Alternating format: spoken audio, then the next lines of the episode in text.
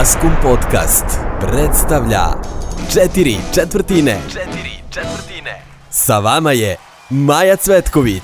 Dobrodošli u četiri četvrtine, sa mnom je Ivan Jegdić, jedan mladi muzičar, e, vrlo zanimljiv, s jednom setom koju ja nisam primetila kod drugih, tako da te nekako po tome izdvojila. Kaži mi Ivane, pošto obično ova emisija ide ono gde si rođen, šta, šta si završio, šta si studirao, ajde počnemo odatle. E, rođen si u Beogradu, u kom kraju živaš i e, kako je tvoje odrastanje teklo? Uh, pa živimo u Ripnju, to je otprilike nekih 4-5 km ispod Avale i u suštini prema poslednjem popisu Ripanj je bio, mislim, drugo najveće selo u Srbiji.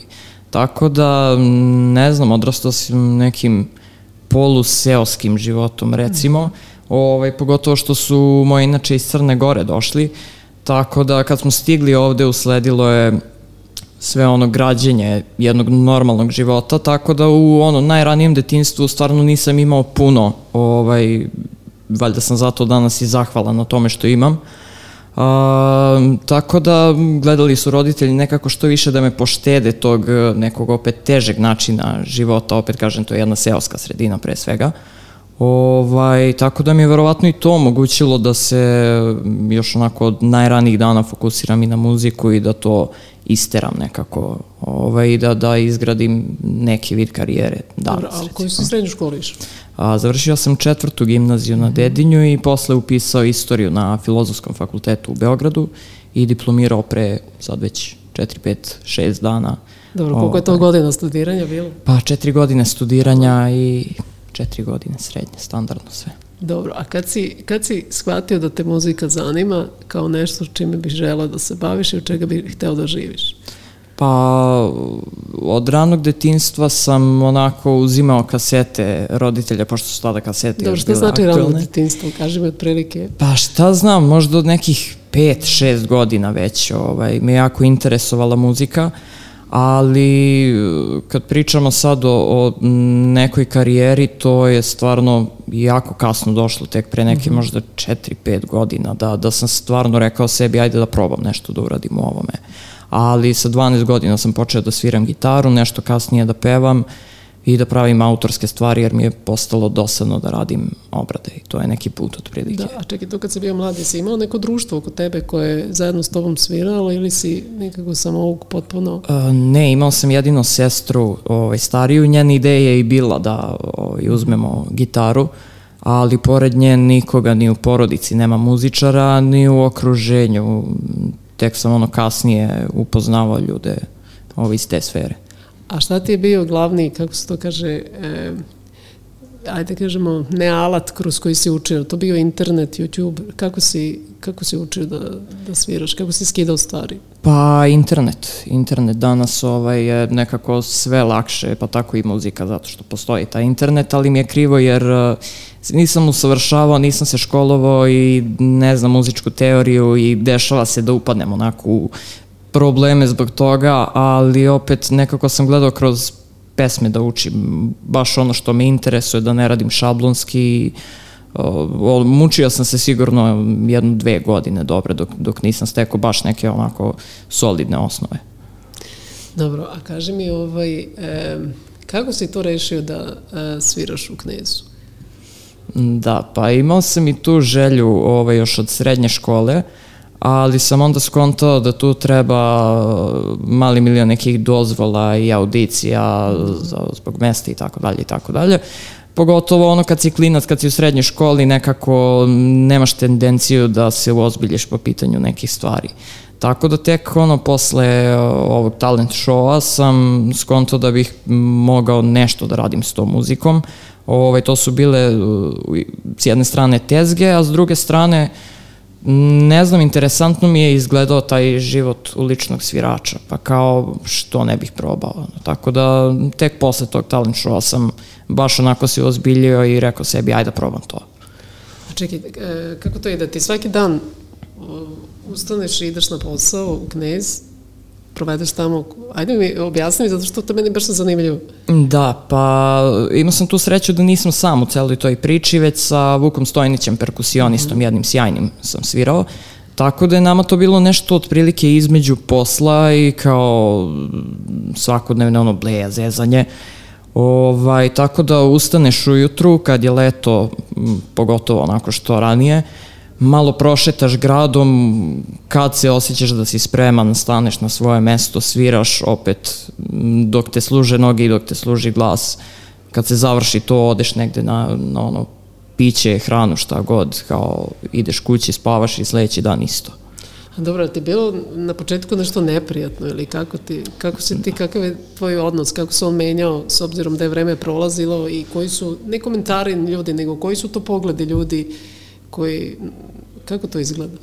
Pa moj čitav život je neprijatan. Ovaj. Moj čitav život je kao onda kad odeš u pekaru i sad ne znaš šta ćeš da izabereš, a ti si na redu i onda te uhvati onako panika. E, to je otprilike moj život u svakoj sferi. Tako da uh, isto je bilo i za sviranje na ulici. Ovaj. Dosta sam onako anksiozan bio kao kako će ljudi to da prihvate, kakvi će komentari biti ali posle ono prva dva, tri puta, ovaj, sećam se prvi put došao sam kući sa 700 dinara i ja sam onako bio u šoku kao neverovatno, da li je moguće da sam ja zaradio od ovoga nešto.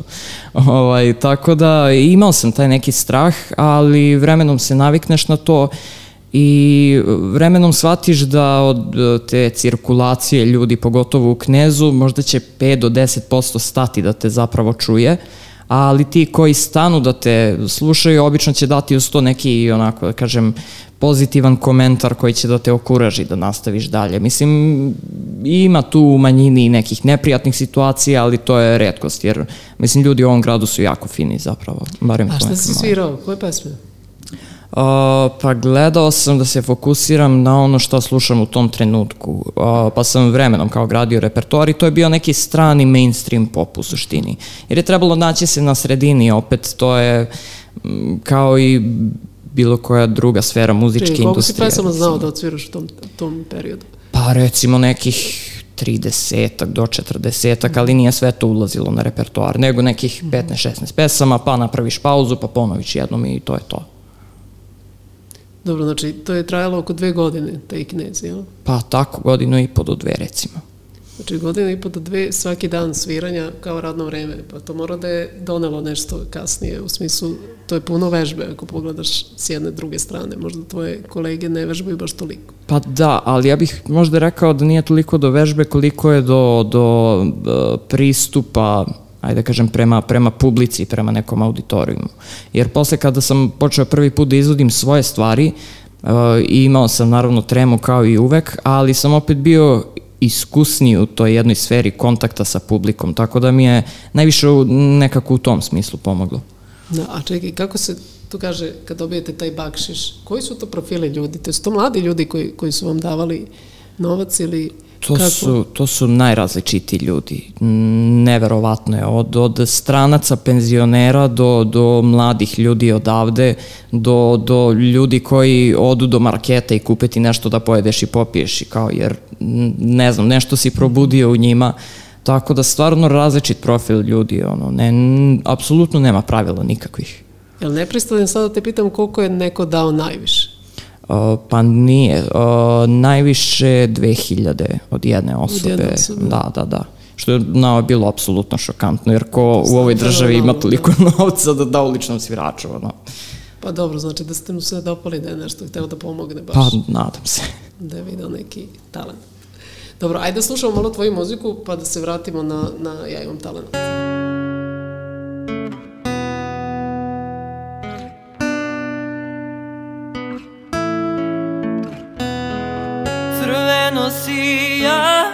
Lakarno nebo.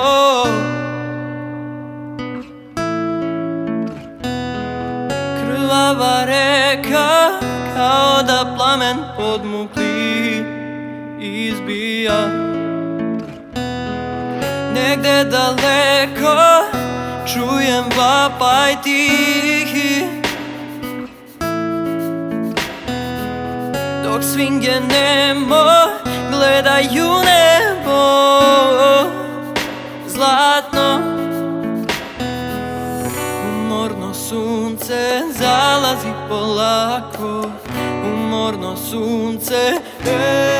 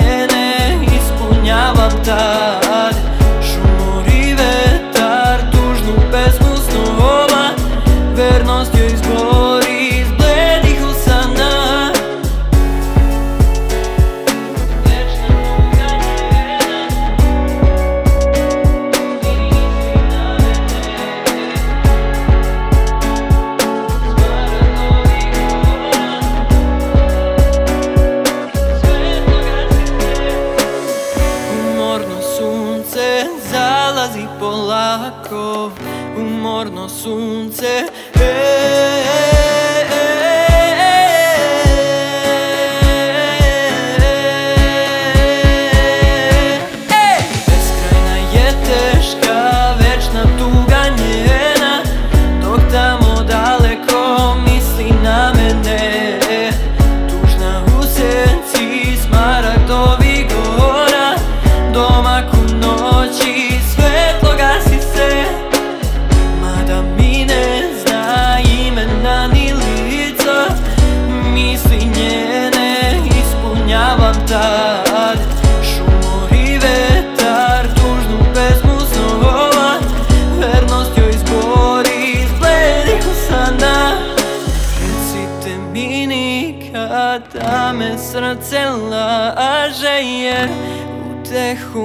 Našao ne bih nikada.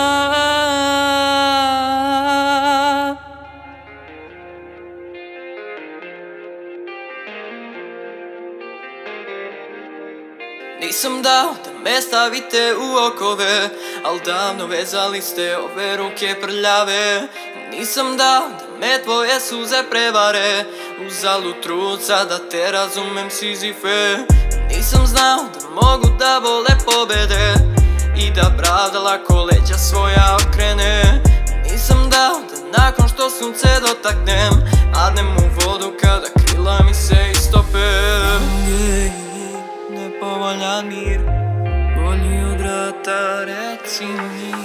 O jasno vidim došla si da mi uzmeš sve I moje lice više ne si ako ranije jasno čujem da vetar lomi drveće Naruči mi blede nepokretne kazaljke.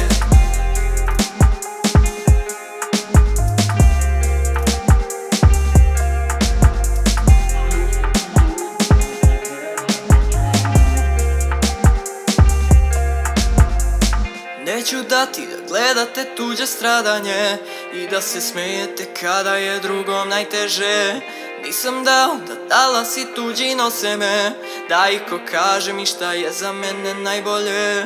Nisam znao da mogu da vole pobede I da pravda lako leđa svoja okrene. Nisam dao da nakon što sunce dotaknem Padnem u vodu kada krila mi se istope. Nepovoljan mir Bolji od rata reci mi. O jasno vidim došla si da mi uzmeš sve I moje lice više ne si ako ranije. I jasno čujem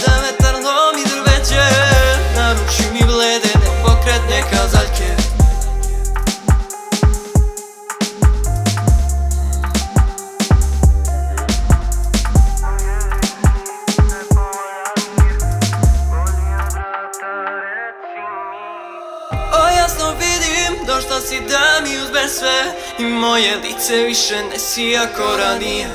I jasno čujem da vetar lomi drveće Naruči mi blede nepokretne kazaljke. Kako si ti e, rešio da se prijaviš na e, Ja imam talent i u stvari šta ti je bio, šta ti bi i koji ti je bio cilj? Šta ti bi, dobro pitanje. Ovaj, pa pre toga sam učestvovao na nekim festivalima kant autora. Dobro. Ovaj, ali sam primetio da je to jedna velika redkost i da stvarno je teško ono i u čitavom ovom vremenu gde ti ukucaš na internetu festival kant autora naći nešto. I onda kad sam ono prošao par tih takmičenja, hteo sam opet da idem nivo više. I ovaj, igrom slučaja je bio na možda 100 metara od moje srednje škole billboard kao audicija u toku prijave i ovaj, ništa poslao sam mail u suštini, nikom nisam rekao dok nisam prošao taj prvi neki početni konkurs ili šta god. Ovaj, ne znam, meni je to bio nekako logični sled događaja, kao ovo je neka faza koju sam prošao, ovi kantautorski festivali, ajmo sad dalje. I ono, to je dobra prilika da sad pred nekim širim auditorijumom se predstaviš, ono, e, ljudi opet nekako moraš da im serviraš sve, takav ja bar osjećaj imam, a to znači u ovom slučaju da si na TV-u prisutan, jel? I kako ti to sad kad gledaš iz ove perspektive, Kako ti je bilo tamo? Kako je ta bila organizacija, realno ljudi, kako su se on, oni odnosili prema vama? Pa, organizacija je užasna bila. Uh -huh. Mislim, sasvim je normalno kad se održavaju neki veći događaj da, da ima malo haosa, ali ovo je stvarno bilo neprijatno u momentima gde pred finale dođu tehničari koji treba da spoje tri instrumenta i ovaj, kažu ti otvoreno u lice samo vas da skinem sa pa one stvari. Da. I ti u finalu završiš tako što ti se ne čuje gitara, na primjer. Tako da su to neki propusti koji po meni iskreno su nezamislivi i na mnogo nižem nivou, a kamoli tu. Tako da s te strane definitivno negativno, ali kad pogledam čitavu sliku i šta sam dobio od toga, onda mogu da kažem da je jedno pozitivno iskustvo sve o svemu. A dobro, šta si dobio? Pa dobio sam u suštini upravo ono što sam hteo, a to je da se predstavim publici svojim pesmama i svojim stvarima i široj publici pre svega. Dobro, znači tad je, misliš da je tad onako malo krenulo već da se diže neka prašina oko pa, da, tebe, da, da tvoj da. rad neko krene da primeti. Da, upravo to. Dobro, i posle toga šta si, šta si radio, kako si sad uh, razmišljao, kako to da iskoristiš dalje Kako ti išla karijera? Pa, u tome je problem što ja nisam odmah razmišljao šta dalje. Dobro, mlad to je da. sve normalno. I sećam se ovaj da je moja majka tada htjela da uloži da ja snimam pesme, da ne znam, ono, producenti da se plate. A ja sam nekako išao tim stavom da ne želim da iko ulaže u mene u tom smislu, nego ako to budem želeo da to želim da uradim sve sam i da ne budem nikom na teretu. Uh, Ovaj, tako da sam to propustio na početku i ono, okrenuo sam se Knez Mihajlovo i kao tom uličnom sviranju i tek posle nekog vremena ovaj, opet jedan festival kant autora i eto kao glavna nagrada je tu bila snimanje pesme kod Kaspara Weinberga, jednog divnog čoveka. Ovaj, tek tada kada je to taj dezerter izašao, su mi se opet možda probudile te nade da bi trebalo da zapnem ipak malo u tom nekom pravcu autorskom. Dobro, i onda posle? I posle dezertera opet je neka pauzica usledila, Ovaj, I u suštini sve je onako počelo nekim jačim tempom kad sam prodao prvi auto onog čuvenog juga crvenog. Mm. Ovaj, kupio onu Scarletovu opremu koju svi kupuju jer je prilično jeftina, prilično kvalitetna. I malo sam više obratio pažnji na produkciju, počeo da učim i oko toga i oko FL studija I kao, ajde ja sad sve sam da probam da radim. Ovaj, tako da je prva pesma koja je iz toga nastala Cezar i onda već druga bolji čovek i od tada je ono na nekom baš, baš višem nivou. A čekaj, si ti sve, sam sve miksao ili si slao nekome da ti uradi? Pa u tom početku sam sve sam miksao, uh mhm. -huh. ovaj, Cezara sam ja miksao i boljeg čoveka uh, za boljeg čoveka mi je malo krivo jer uh, trebalo je da prepustim nekom, ali nisam znao da će to da ode toliko daleko i da će ljudi tako da prihvate pesmu. A s druge strane opet je nekako ajde da kažem čisto. Nastalo je u toj sobi, završeno je u toj sobi i ljudi su ga prihvatili ono odlično, tako da uh, posle sam shvatio da ipak ako želim da budem na nekom ozbiljnijem nivou treba da prepustim to ljudima koji se stvarno razumeju u to i kojima je to full time job. Dobro, koliko su ti društvene mreže važne? Mislim, ti dole, ovo sad te sad pitam zato što dolaziš iz druge generacije, mm. pa mi je zanimljivo. Pa danas nekako ja imam osjećaj da su te društvene mreže i prisustvo na njima uh, maltene jednako važne kao sama muzika. Jer ti možeš da budeš jedan od najkvalitetnijih izvođača u regionu, a ako ti m, nemaš taj način da to predstaviš preko društvenih mreža, nekako će ostati uzak taj krug ljudi koji te slušaju. Tako da danas mislim da je to, da se bez toga ne može ni u jednoj umetnosti, a on u muzici pogotovo. Koliko provodiš vremena na, na mrežama? Pa trudim se što manje, ali trudim se. Ovaj, pa ne znam, možda dva sata na dan, recimo, sve ukupno kad se spoji. Čekaj, kako, voli, kako voliš da provodiš vreme? Pa, ustanem kasno, popijem kad kafu. Ustaneš, ajde? Pa kako kad, obično oko 10, pola 11, recimo, to mi je neki ono, standardni termin. Mm -hmm. ovaj, popijem kafu i gledam jutarnji program kao najgori penzioner, to je poslednjih pola sata jutarnjeg programa, pošto kasno ustanem, jel? I ovaj, onda ili uzmem da sviram ili da čitam i u tome mi prođe par sati onda sve između onako drndaš te društvene mreže, iako u 90% slučajeva nemaš ništa korisno da vidiš tu, nego čisto onako neka, neka potpuno nezdrava navika I onda ne znam ili, ili se nađem s nekim, izađem i vratim se kući opet na muziku, pa malo slušanje muzike, pa stvaranje muzike i to je u suštini moj dan. Dobro, a koliko često izbacuješ pesme? Ne mislim da ih objavljuješ, nego koliko često uh, praviš pesme? Uh, pa koliko zavisi. to brzo ide? Uh, zavisi. Ovaj, desi se, evo recimo od poslednjeg, to je prvog u jednog poslednjeg albuma koji sam izbacio, a, nastalo ja mislim šest demo snimaka, znači od negde kraja marta. A, ali to je, eto, u trenutku sam jednostavno imao inspiraciju, dešava se da ono, potpuno jednu blokadu doživim i onda ostavim namenski sve na jedno tri meseca i ne pipam ništa dok se to onako vrati na neki svoj tok. Uh, tako da sve zavisi, ono, to, to su bukvalno neke faze. U jednoj fazi nastane kroz dva meseca pet pesama i onda se tri meseca ništa ne dešava. Tako da bukvalno naleti su u pitanju. Dobro, ajde da slušamo još malo muzike tvoje, pa ćemo onda pričamo nešto što se sada dešava. Znaš šta, nekad je najbolje da se čovek dobro isplače. Plači, našo. Plači, tu sam ja, našo. Biću ja tu.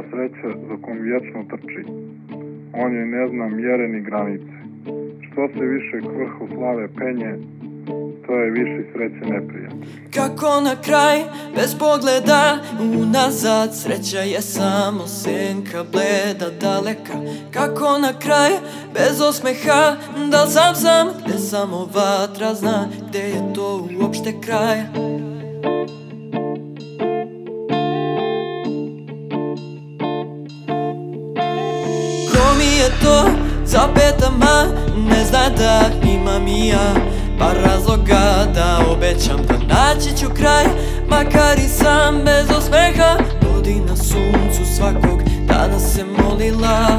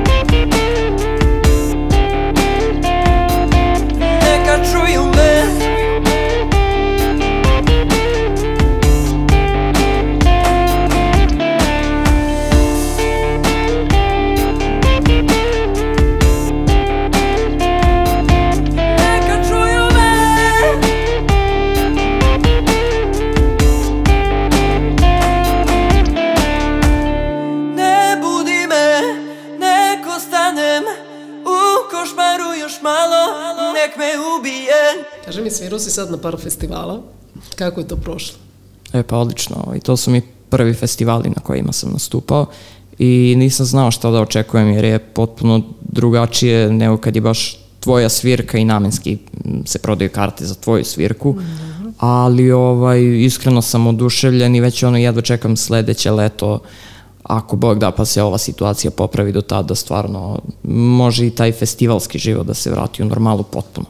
Čekaj, Arsenal ti je prvi festival. Arsenal je prvi I festival. kako ti se činilo? fantastično. Mislim, ja sam prvi put na Arsenalu kao slušalac bio pre par godina kada su editorsi bili, ovaj, to ono, nikako nisam hteo da propustim.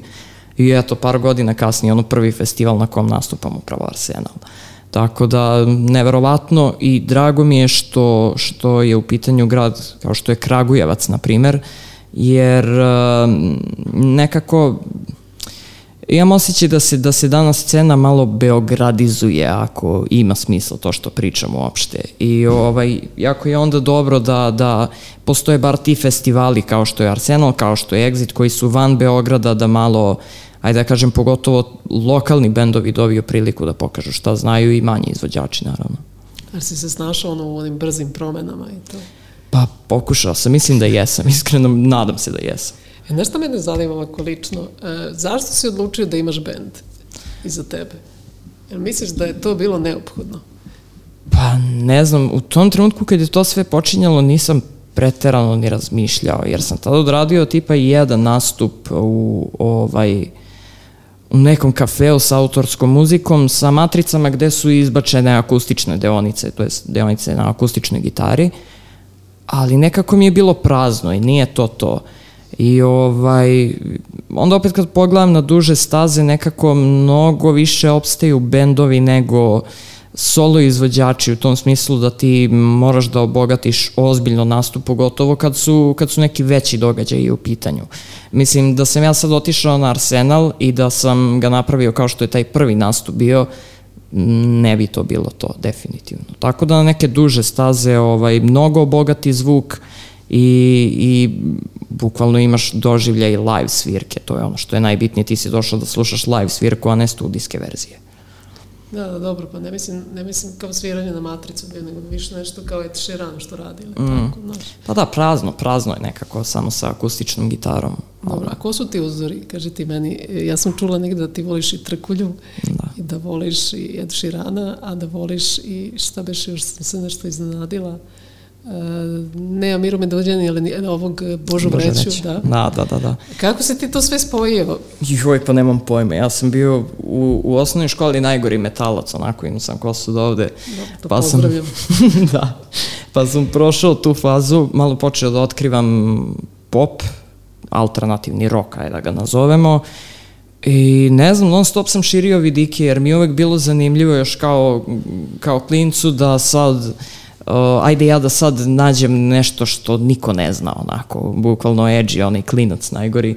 Uh, I tako sam počeo vremenom da širim vidike kad je muzika u pitanju i otkrio sam prvo Sloboda na Trkulju i tu sam se raspametio onako u potpunosti. I ovaj, onda Božo Vrećo, Marko Luis vremenom i Miladin Šobić za kog jako dugo nisam znao iako je on onako jedan kultni izvođač. I ovaj, možda je tu i Šobić imao najveći uticaj na tim počecima jer je on čovek koji eto tako sa užasnim kvalitetom snimaka, ovaj, sa jednom gitarom i jednim vokalom i napravi to što napravi i to zvuči tako fantastično, a izgleda tako jednostavno na površini. Tako da Šobić definitivno kao najveći uzor. Šta ti se kod Trkulja najviše sviđa? Uh, sve, sve komplet, od, od uh, vokala do, do instrumenta, do, mislim čovjek je multiinstrumentalista, sve čega se uhvati mislim da zvuči savršeno, pogotovo ono nastupi uživo isto, neverovatni, tako da ne znam, čitava ta energija da ti uzmeš etno muziku koja je nekako danas, ne kažem da odumire, ali nije toliko popularna kod mladih i opet napraviš nešto drugačije i nešto novo od nje i to me je nekako najviše i privuklo valjda.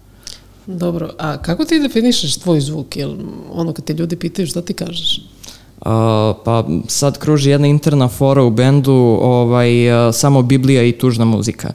Tako da to je neki žanr. Ovaj, ne znam, ja mislim da je to u srži pop u suštini. Dobro. E sad tu ima primesa rock muzike, primesa etna, ali danas nekako ljudi mnogo vole da izmišljaju žanrove, ono, pitaš band šta svira, on ti nabravi 15 žanrova i onda ono svira obrade Guns N' Rosesa. Mm -hmm. Tako da, ne znam, ne volim da filozofiram preterano, ja bih rekao da je to pop u suštini.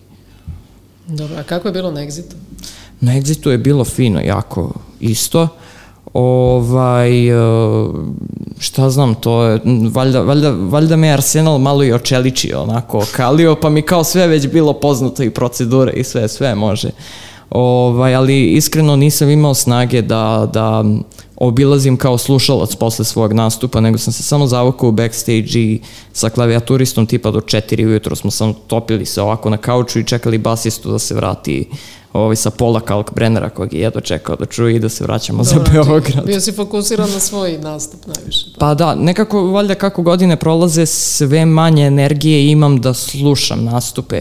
Ili ako slušam nastupe da to bude ono, obezbedi mi stolicu i čašu vode i to je to. Tako da sam već penzioner sa eto 22 godine, ali nema veze. Da, imaš 22? Pa 23 ću sad za koji mesec, da. Dobro, ajde malo da slušamo ovo maskom izdanja, neke nove bendove pa ćemo da se vratimo.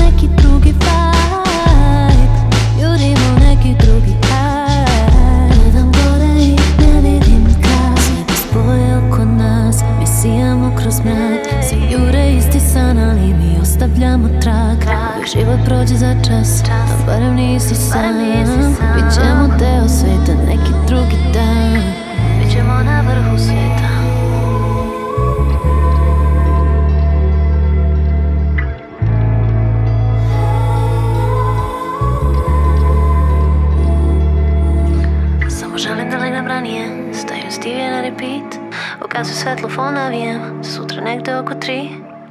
Sve što mi treba je tu? Sve što mi treba? Ivane, znaš šta me zanima? Kako si ti, e, kad si spremao ovo prvo izdanje, kako je došlo do izdavača, kako si to prelomio da bude maskom, Jesi tu nešto vagao, šta, šta si mislio, šta si želao da dobiješ od izdavača u današnjem vremenu? A, pa u suštini ja nisam želeo od izdavača da kažem. Ja sam samo želeo da od meni omogući da ja radim ono što volim, a to je da se bavim muzikom, a da sve ostalo upravo radi izdavač. Jer sam tek naknadno shvatio koliko iza same muzike postoji stvari na koje treba da obratiš pažnju, a malo pre smo i društvene mreže pominjali, e, čitav taj neki PR koji je i tekako potreban danas. A, tako da, eto, imao sam sreću da imam ovaj, jako dobrog menadžera i prijatelja i tako je me on nekako naveo te razgovore sa Maskomom, Maskomu se svidelo ono što ja radim, ja sam malo istražio i svidelo mi se ono što Maskom radi, tako da smo našli neki zajednički jezik i preneli to na jedan viši nivo i ono, nakon svega toga sam bio miran jer sam rekao sebi, ok, ti ćeš sad samo da se baviš muzikom i to je sve što ćeš da radiš. Znači sad si 100% fokusiran na to, ne planiraš da se zaposliš negde, želiš da, ili kako? Pa, vidjet ćemo, vidjet ćemo još. Mm, Planirao sam prvo master da radim, to godinu dana sigurno. Ovaj, dobro će mi doći taman ti godinu dana dok malo još razmislim šta i kako, pošto nekako ova situacija nas je sve zatekla nespremnim i da sam se odlučio recimo u ovom vremenu da mi kao full time job bude muzičar, ne bi baš bilo lagano. Da, da, e pa sad kad smo već kod korone, kako si ti, taman ste se, nekako ta generacija tvoja, taman ste krenuli i desila se korona i šta si ti radio ovih godina i po dana? Kako si ti sad sebi objasnio da sve što si ovo pokrenuo mora da stane? Pa ja sam to prilično lako prihvatio kao nešto što je jednostavno tako i na što ja ne mogu da utičem. Jeste mi bilo krivo, naravno, ono, već smo odradili dosta svirki po, po Srbiji i imali smo isplanirano toliko toga, ali ne znam, imao sam i dalje fakultet u tom trenutku i ja sam rekao ajde da se posvetim nečemu da ne bih pukao potpuno. I onda sam se posvetio u tom trenutku fakultetu, ono, učio nenormalno ovaj, igrao i jam sa porodicom svako veče. Uh, tako da, ne znam, pomirio sam se jednostavno bio sa tim. Tako je i ajde da čekamo i da vidimo šta ćemo dalje. Tako da, eto, i u takvim okolnostima se i završavao taj album, Ali ono što znam, eto da nisu takve okolnosti bile, ko zna da li bi album uopšte izgledao tako kako je izgledao. Tako da sve to možda splet nekih okolnosti, ono, ono najgore kliše ću izgovoriti, ko zna zašto je to dobro, ali stvarno mislim, mm, ne znam, na kraju sve je ispalo kako treba. Koji su ti sad planovi za ova dva meseca, koliko ćemo svi moći vjerojatno da radimo? Šta, šta ćeš još da sviraš? Pa ja se nadam što više svirki sada opet po Srbiji, pošto po regionu teže će da se radi, barem koliko sam ja do sada upućen.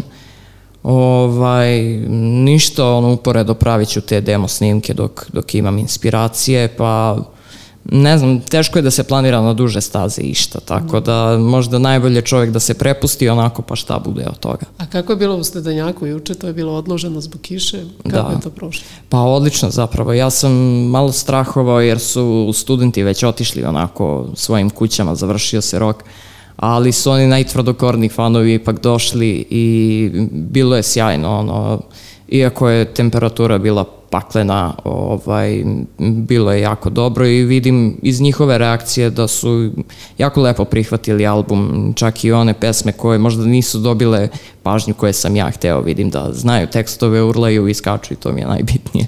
Dobro, i kad izvodiš, to mi reci za kraj, koju pesmu ti najviše voliš da, da izvedeš? A, ne budi me. Što? A, pa nemam pojma, to mi je nekako možda najintimnija pesma koju sam, koju sam napisao.